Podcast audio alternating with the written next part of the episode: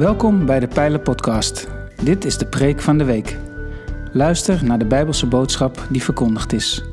We hopen dat je groeit in kennis en liefde voor Jezus Christus.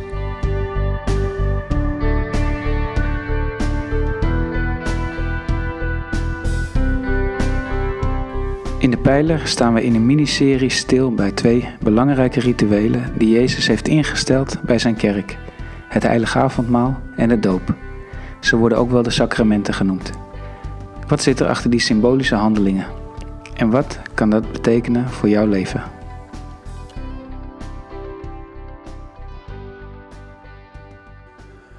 Goedemorgen. Hier is mijn hart, hier is mijn leven. Dat is eigenlijk de kern van het ritueel, van het symbool wat wij vandaag gaan bespreken. Hier is mijn hart, hier is mijn leven. Ik weet niet of u allemaal een beetje lekker zit. Dat is anders hè, dan thuis. Dus niet halverwege opstaan om te denken van, oh, ik ga alvast koffie zetten. Dat, dat kan thuis. Dan hoor je de preek nog, hier valt het op. Dus dat is even dat je, dat je het weet. We zitten weer allemaal in elkaars kijker. En het voelt op de een of andere manier ook meer als, als iets dienstbaars. Dat je ochtends opstaat op een tijd dat je denkt... ik zou nu ook nog een uurtje kunnen blijven liggen en de livestream pakken. Op de een of andere manier dat eerder eruit gaan dan hierheen gaan. Mensen ontmoeten. Weer een beetje elkaar tegenkomen. Huggen her en der heb ik ook al gezien. Ja, we houden jullie in de gaten. Camerasysteem, we checken alle beelden achteraf. Nee, gekkigheid. Het is gaaf om weer bij elkaar te zijn. Gaaf om weer samen te komen. Om de kinderen weer naar boven te zien stromen naar de Kings Kids. Uh, gisteravond ook een jongerendienst gehad in de bunker. Ook gaaf om al die lui weer op elkaar te zien staan, staan en kletsen en doen. Maar we hebben het vandaag over een symbolische viering. Net zoals Jerry het vorige week had over de symbolische viering van het avondmaal, hebben we het vandaag over een symbolische viering, de doop. Voor sommigen is dat iets wat al een gepasseerd station is. Toch belangrijk om te blijven luisteren, want ook uh, daar zit altijd weer een, een, een teruggrijpmoment in. Voor sommige mensen een, een situatie die misschien in een toekomst ligt, en voor sommige mensen een groot vraagteken. Maar ik wil deze dienst over een symbolische viering beginnen met een ander universeel symbool. Deze. Het is niet zo'n netjes symbool. We doen het ook niet vaak in de kerk. En als we het buiten al een keer doen, dan is het meestal in het verkeer. Als iemand je afsnijdt of zo, dan uh, wordt er een beetje link over en dan schiet hij er ineens uit. Dit is een jongen. Deze jongen die heet uh, Mikey. Mikey Wilson, de foto is in 2002 genomen tijdens een voetbalwedstrijd tussen Feyenoord, dat verklaart het al een beetje, en Borussia Dortmund. Het was een uh, Europacup wedstrijd en uh, nou ja, er gebeurde iets waar uh, nou ja, je zou kunnen denken Mikey het niet mee eens was. Maar ja, het gastje was vijf hè, toen. Dus laten we, laten we stellen, het was iets waar zijn vader het niet mee eens was. Zijn vader deed hem iets voor en hij deed het na.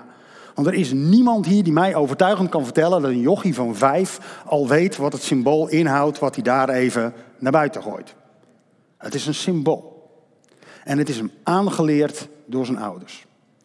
De liefde voor Feyenoord is hem dus ook aangeleerd, vanaf jonge leeftijd al. En die liefde die bekrachtigde hij ook. Toen hij 16 werd, werd hij uh, gefotografeerd samen met zijn vader met op zijn onderarm een tatoeage van Feyenoord. Precies zo'n tatoeage die hij heeft als zijn vader heeft. Dus dat, dat Feyenoord bloed zit diep bij hem. En hij woont ergens bij de grens bij België, in Brabant. Dus nog niet eens een Rotterdammer. Dus het is, het is echt gewoon dat je zegt van die jongen die heeft dat meegekregen. En hij is helemaal overtuigd van Feyenoord. Dus wat we onze kinderen meegeven is belangrijk. Dat heeft impact. Maar niet altijd. Want er is nog een voorbeeld. Een andere foto. Ook van een situatie die is iets ouder. Dat is een foto uit 1971.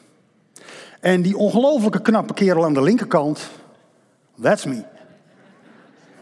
Je ziet er natuurlijk aan die reizige gestalte, die innemende glimlach, die ongelooflijke stevige gespierde voorkomen. De cup met de grote oren, 1971. Ik was drie. En echt, ik weet er helemaal niks meer van. De foto is, zoals je ziet, redelijk verweerd. Mijn vader heeft hem jaren in zijn portemonnee gehad. Um, ik en mijn zus werden meegenomen naar het stadion De Meer... om te vieren dat Ajax de Europa Cup 1 had gewonnen. Voor degenen die na 1996 geboren zijn, Champions League. Lees waar ik Europa Cup 1 zeg, Champions League. De cup met de grote oren. Ik heb hem in mijn handen gehad, kon hem nog niet tillen. Nogmaals, ik paste er bijna in, zeg maar. En dan zou je kunnen zeggen, mijn vader die heeft zijn best gedaan om mij een beetje te beïnvloeden met zijn voorliefde voor Ajax. Is dat gelukt? Maar tot op zekere hoogte wel. Het is een club die ik graag zie spelen. En als ik de kans heb, dan, ach, dan kijk ik wel eens naar een wedstrijd. Maar het is niet zo dat ik er apart voor thuis blijf. Als ik heel eerlijk ben, vind ik eigenlijk dat het moderne voetbal steeds meer begint te lijken op de gladiatorenspelen uit de tijd van Jezus. De beste vechters, de beste voetballers worden verkocht voor hoge bedragen, bedragen als een soort met slaven op een nieuwe tijdse slavenmarkt. Er gaat veel te veel geld in om, wat veel beter voor hele andere doelen zou kunnen worden gebruikt. Ik ken een mensen in Oekraïne nog een paar miljoen kunnen gebruiken. Dus in die zin ben ik niet zo'n voetbaladept geworden als Mikey. En toch is bij mij wel het een en ander, nou ja, mijn vader heeft zijn best gedaan, zou je kunnen zeggen. Dus wat we onze kinderen meegeven, blijft niet altijd hangen. En dus als je zelf de doop al als een gepasseerd station hebt, denk even na, wat geef je je kinderen mee over de waarde van de doop en luister vanaf dat perspectief verder naar deze preek. Um, want de doop is een lastig onderwerp. De doop is in een aantal gemeenten en misschien hier ook wel tussen mensen onderling een soortement tweesnijdend zwaard. Het kan gemeentes in tweeën hakken, het kan families in tweeën hakken, um, het kan mensen van hun geloof vervreemden. En vandaag ga ik het dus niet hebben over goed of fout. Niet. Ik ga het hebben over wat er in de Bijbel beschreven staat, hoe wij dat lezen en hoe wij dat betrekken op hier en nu en waar wij als kerk achter staan. En dat uiteraard met uitzicht op de komende doopdienst en de komende doopstudie. Ik wil beginnen met wat is de doop niet? Wat de doop zeker niet is, is een ticket to heaven. De doop is geen toegangsbewijs voor de hemel. Het is niet datgene wat jou gaat redden voor de eeuwigheid. In Lucas 7 zegt Jezus tegen de vrouw die zijn hoofd met olie zalf: Uw geloof heeft u gered. Ga in vrede. En ook de apostelen daarna, zoals Paulus bijvoorbeeld, die schrijft in Handelingen 16 al. Uh, sorry, dan wordt het verhaal van de, de gevangenbewaarder, dan worden ze bevrijd. En dan komt Paulus bij die gevangenbewaarder. En dan beschrijft Lucas daar het verhaal dat tegen de gevangenbewaarder wordt gezet: geloof en u zult gered worden. En dat vind je op veel meer plaatsen. Het geloof is de bron van redding, niet de doop. Dus de doop speelt niet direct een rol in de redding. Het is niet iets magisch ook. Het is ook niet zo dat als je gedood bent, dat je dan superkrachten krijgt en een mooie rode cape of zo. Dat ook niet. Dus het is een symbool en zo moeten we het ook begrijpen. En hoe belangrijk is dat symbool dan? Nou, daar gaan we het over hebben. Jezus vindt bijvoorbeeld dat symbool belangrijk genoeg om zichzelf publiekelijk te laten dopen. Ik wil met u lezen uit Matthäus 3, de versen 13 tot en met 15. Toen kwam Jezus vanuit Galilea naar de Jordaan om door Johannes gedoopt te worden. Johannes probeerde hem tegen te houden met de woorden: Ik zou door u gedoopt moeten worden. En dan komt u naar mij? Maar Jezus antwoordde: Toch moet je het doen. Want zo dienen wij de gerechtigheid zo dienen wij de gerechtigheid geheel en al tot vervulling te brengen. En toen deed Johannes het. Johannes was vrij duidelijk met het uitleggen van waarom hij doopte. Hij doopte om mensen schoon te wassen van zonde. Dat lees je in zijn verhalen aan mensen toe. De doop is schoonwassing van zonde. Maar Jezus had geen zonde en dat wist Johannes was familie, hè? ik bedoel, uh, neven van elkaar. Dus ze kenden elkaar. Jezus was zonder zonde en Johannes is heel duidelijk. Joh, gast, ik moet jou helemaal niet dopen. Jij hebt er nooit iets fout gedaan. Jij zou mij moeten dopen. Ik ben degene die sprinkhanen eet, kom op. En toch zegt Jezus, we moeten het wel doen. En dat is wel een tricky ding. Als Jezus zich laat dopen, hoe belangrijk is het dan wel of niet? En het mooie is dat een doop zit ook altijd vast aan een getuigenis. En dan kun je zeggen van ja, luister, maar Jezus die zegt hier niks over zijn doop. Nee, dat doet God. God in vers 17 zegt, en uit de hemel klonk een stem, dit is mijn geliefde zoon, in hem vind ik vreugde. Dus Jezus krijgt gewoon bij zijn doop, krijgt hij een extern getuigenis, wat gewoon echt hemel openscheurend is. Dus Johannes die doopte om mensen schoon te wassen van hun zonde. En met de doop van Jezus werd die inhoud aangevuld. Het werd een daad van gehoorzaamheid. Niet omdat je moet, niet omdat je jezelf wel of niet goed genoeg vindt, maar omdat het van je gevraagd wordt. En die doop is sinds de doop van Jezus op verschillende plekken in de Bijbel het moment waarop de Heilige Geest ontvangen wordt. Bij die doop zit dus een getuigenis. In het geval van Jezus doet God het getuigenis. En bij iedere andere vorm van doop is er een getuigenis. Soms kort, soms lang. Het gaat namelijk om een stap die je maakt die je wilt delen met mensen in je omgeving, met wie dan ook. Het is het vieren van een ontdekking. Het overgeven aan iemand die groter is dan jij. En dat doe je in volledig vertrouwen. De hoofdlezer van vandaag wil ik met jullie lezen uit Handelingen 8. Over een situatie die hierover bespreekt. Handelingen 8, vers 26 tot en met 39. We praten net over de, zeg maar, de, gemeente begint een beetje. En Filippus is een van de volgelingen van het tweede uur, zeg maar, die tot Jezus gekomen is. En een engel van de Heer zei tegen Filippus, ga tegen de middag naar de verlaten weg van Jeruzalem naar Gaza. Filippus deed wat hem gezegd werd en ging naar de weg toe. En net op dat moment was daar een Ethiopiër, een enig. Een hoge ambtenaar van de Kandaken, de koning van Ethiopië, die belast was met het beheer van haar schatkist. Hij was in Jeruzalem geweest om, door God, om daar God te aanbidden. En zat nu op de terugweg in zijn reiswagen de profeet Jezaja te lezen. De geest zei tegen Filippus, ga naar die man daar in de wagen. En Filippus haastte zich naar hem toe en hoorde hem de profeet Jezaja lezen, waarop hij vroeg, begrijpt u ook wat u leest? En de Ethiopiër antwoordde, hoe zou dat kunnen als niemand mij uitleg geeft? Hij nodigde Filippus uit om in te stappen en bij hem te komen zitten. En dit was het schriftgedeelte wat hij las. En dat wordt er gelezen uit Jezaja 53. Als een schaap werd hij naar de slacht geleid. Als een lam dat stil is bij zijn scheerder, deed hij zijn mond niet open. Hij werd vernederd en hem werd geen recht gedaan. Wie zal van zijn nakomelingen verhalen? Want op aarde leeft hij niet meer. De enig vroeg aan Filippus: Kunt u me zeggen over wie de profeet het heeft? Over zichzelf of over een ander? En daarop begon Filippus met hem te spreken over het evangelie van Jezus, waarbij hij deze schrifttekst als uitgangspunt nam.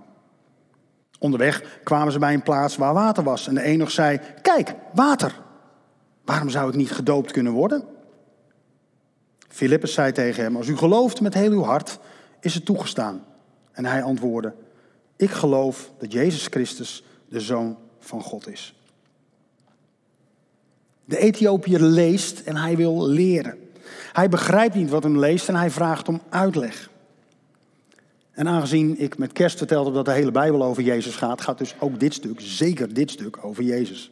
En de Ethiopiër is onder de indruk. En omdat Filippus deze tekst, die tekst uit Jezaja 53 als uitgangspunt neemt, kun je je een beetje voorstellen waar het over gegaan is. Hij heeft hem vastverteld over het lijden van Jezus. Als een schaap werd hij naar de slacht geleid. Als een lam dat stil is bij zijn scheerder, deed hij zijn mond niet open. De vernedering die Jezus vrijwillig heeft ondergaan. Hij werd vernederd. Hem werd geen recht gedaan. En dan daarna de oproep om van dit verhaal te vertellen, om ervan te getuigen. Gehangen aan de zinnen, wie zal van zijn, wie zal, wie zal van zijn nakomelingen verhalen? Want op aarde leeft hij niet meer. En ergens in dat gesprek moet Filippus het ook over de doop gehad hebben. Want die Ethiopiër lijkt redelijk vastbesloten als hij vraagt: waarom zou ik niet gedoopt kunnen worden?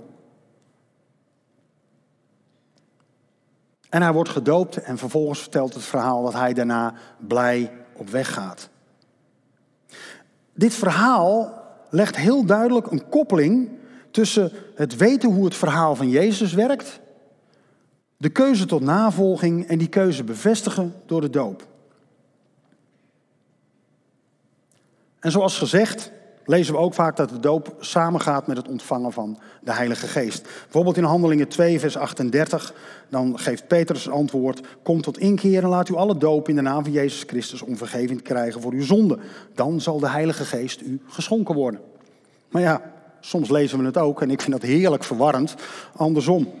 In Handelingen 10 ontvangt de Romeinse centurion Cornelius ontvangt Petrus.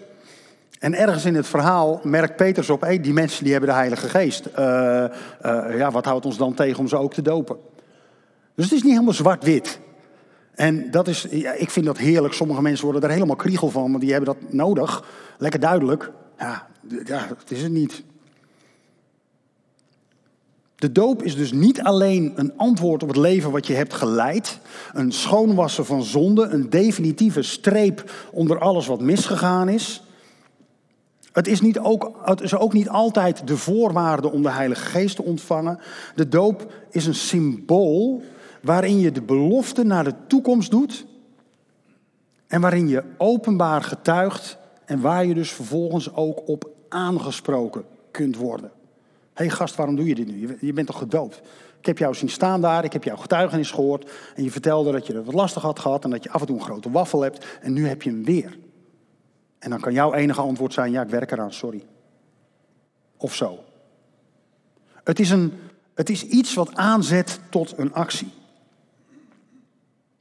Paulus die verwoordt het in Romeinen 6, vers 4, verwoordt hij het zo. We zijn door de doop in zijn dood met hem begraven om, zoals Christus door de macht van de Vader uit de dood is opgewekt, een nieuw leven te leiden.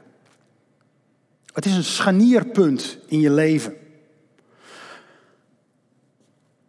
En voor mij als bekeerde heiden was dat een heel duidelijk punt. Op het moment dat ik tot geloof kwam, was het voor mij heel duidelijk. Mijn leven voordat ik God kende, dat was, nou ja, ik zal niet helemaal zeggen dat ik rijp was voor, voor de gevangenis, maar ik was niet echt zeg maar helemaal een posterboy. Ik was niet de ideale schoonzoon. Um, toen kwam ik tot bekering en toen wist ik, er zijn een aantal dingen die ik anders moet doen. Dat was een heel duidelijk markeringspunt voor mij. Maar hoe doe je dat als je je leven lang al christen bent? Als je als christen bent opgevoed? Ik spreek met regelmaat mensen die als christen zijn opgevoed, hun hele leven christelijk zijn. En dan op een gegeven moment zoiets hebben, oké, okay, komt tot bekering en nu? Want ja, mijn leven gaat niet heel erg veranderen, want ik ben met die normen en die waarden opgevoed. Ik ben, eh, ja, misschien wel als Feyenoord supporters weet ik voor wat opgevoed, maar ik ben, ik ben opgevoed met die normen en die waarden. Dus wat verandert er dan aan mijn leven? Dat is best lastig, besefte ik me. Ik heb dat gaat wel makkelijk, denk ik. Ik heb heel duidelijk een scheidingslijn, toen en nu. Dat zijn twee verschillende tijden. Maar voor iemand die vanuit een christelijke achtergrond komt, is dat best lastig. Wat wordt, wat wordt dan jouw verhaal? Wat wordt jouw lijn? Het blijft allemaal een beetje zoals het was, toch? Daarom is het belangrijk dat de doop jouw dood markeert. Jij bent het niet meer die leeft, jij sterft. Begraven in een watergraf. En als je opstaat, ben je nieuw. Niet, niet een ander lichaam, maar je bent wel nieuw. Hetzelfde lichaam, maar het is niet meer van jou. In de doop als volgeling van Jezus spiegelen we zijn offer op de paasdag. Goede Vrijdag en Pasen. Jezus moest het lijden ondergaan, vrijwillig. En hij moest sterven en in een graf worden gelegd. En God moest hem opwekken uit de dood. Dat deed Jezus zelf niet. Het was niet zo dat Jezus in graf gelegd werd en na drie dagen dacht nou het is tijd, kom, ga eruit. God moest hem opwekken. Hij moest in het volle vertrouwen dat de Vader hem zou redden, moest hij zich aan het kruis laten slaan, moest hij sterven in het vertrouwen dat de Vader hem zou opwekken. En in die doop spiegelen we dat. In de doop maak je een bewuste keuze om je over te geven aan degene die jou vanuit het lichaam van Christus dopen. Je laat je vrijwillig achterover in het water duwen. Ik weet niet hoe u dat heeft, maar ik heb daar moeite mee. Vroeger in het zwembad al, ik was niet onder water te krijgen. Net als een paling, ging er overal tussendoor. Ik wilde niet onder water. Je laat je niet vrijwillig onder water duwen. In de doop doe je dat wel, vrijwillig. Je bent ook afhankelijk van de mensen die je dopen, omdat zij jou ook weer overeind tillen. Die overgave, dat wat je daarin laat zien en jouw getuigenis samen, dat vormt de kracht van de doop. Niet wat jij belangrijk vindt en hoe, jij, hoe goed jij er wel of niet uitziet met nat haar. Niet of het goed op de foto komt, niet of dat het de plek is die er helemaal bij is. Nee, het gaat om de overgave. Het stuur loslaten en Jezus volgen. In het vertrouwen dat Hij jou zal leiden. Dat zit in het symbool. Achterover loslaten. Het spiegelt de dood en de opstanding van Jezus.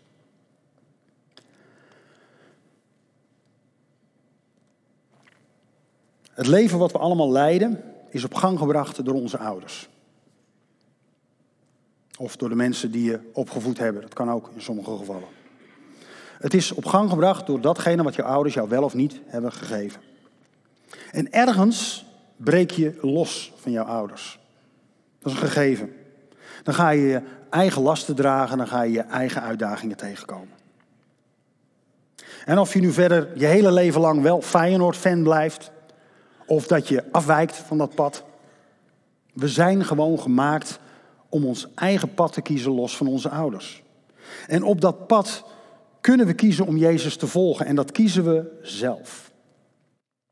En dan is het moment van de doop hetgene wat ons bindt aan het stuk van de Ethiopiër in zijn ruituig. Het gaat dan over die hulpeloosheid die je voelt achterover. De onmacht van iets waar je zelf even geen grip op hebt.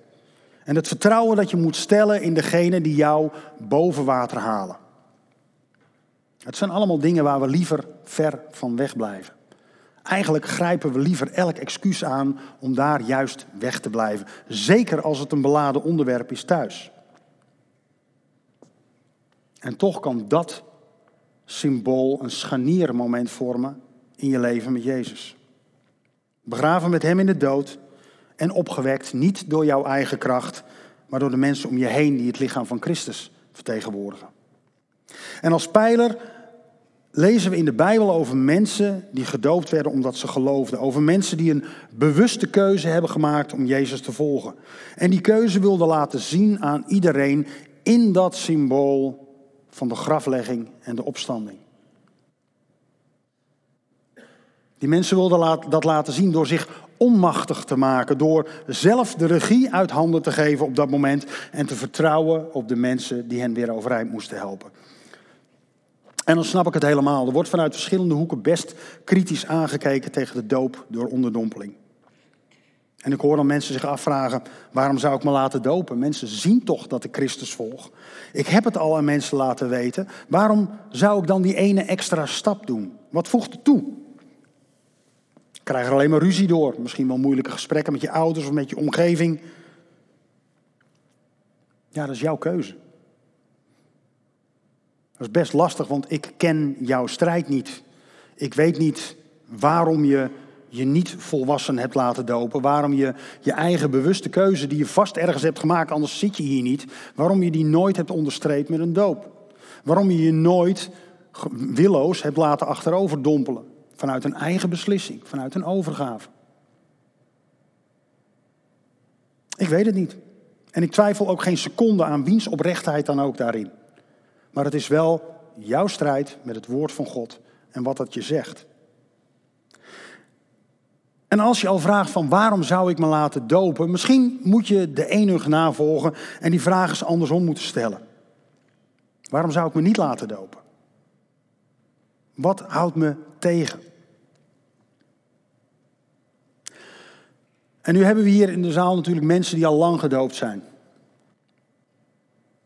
Die doop is jouw altarenmomentje.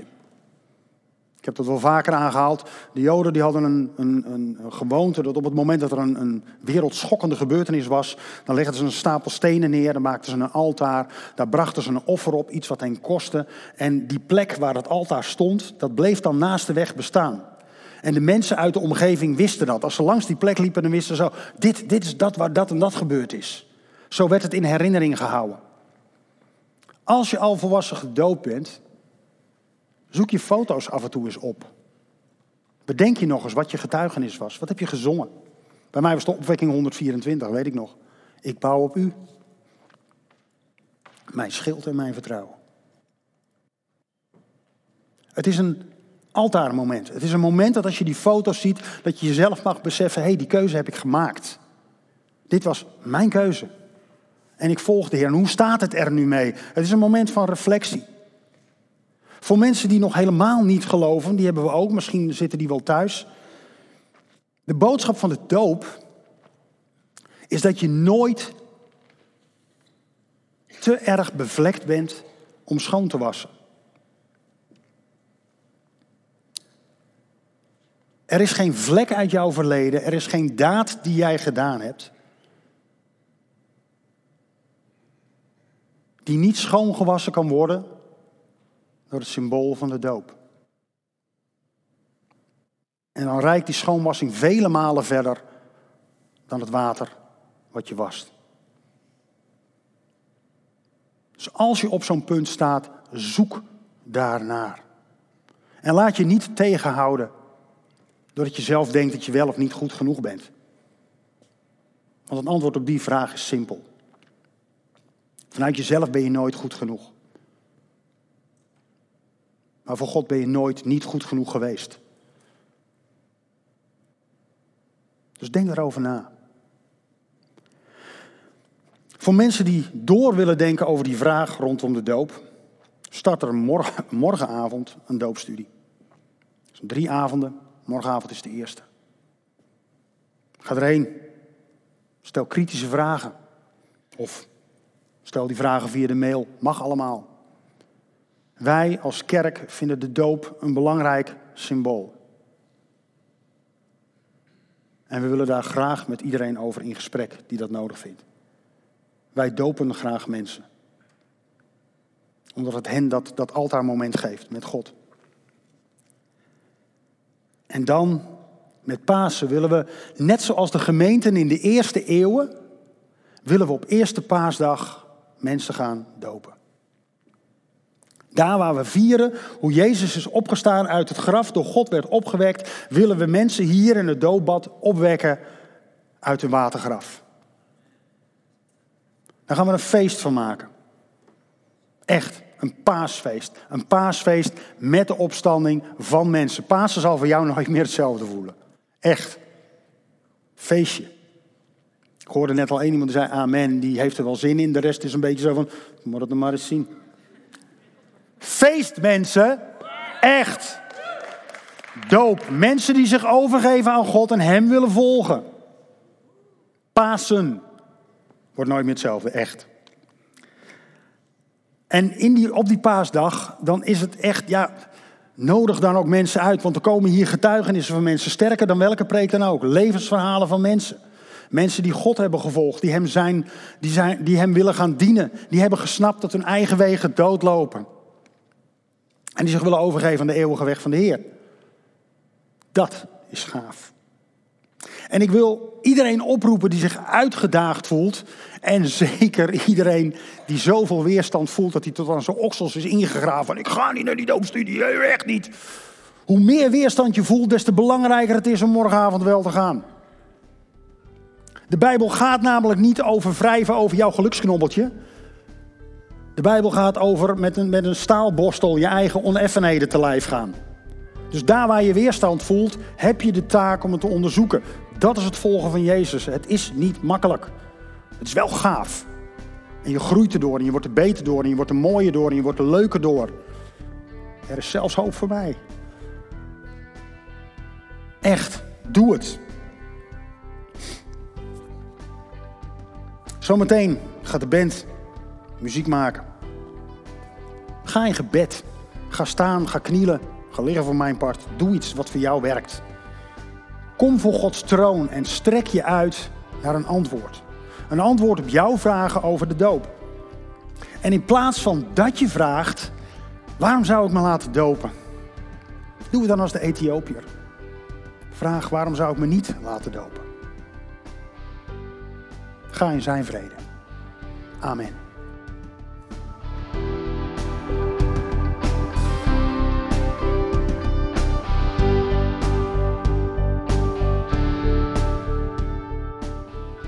Bedankt voor het luisteren naar deze aflevering van de Pijlen Podcast, Preek van de Week. Heb je vragen naar aanleiding van deze preek? Stel ze. Dat kan via een e-mail naar onderwijs.pijler.nl.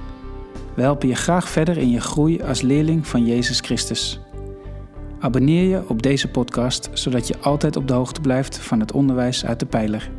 Goede week gewenst, ga in vrede, want God is nabij.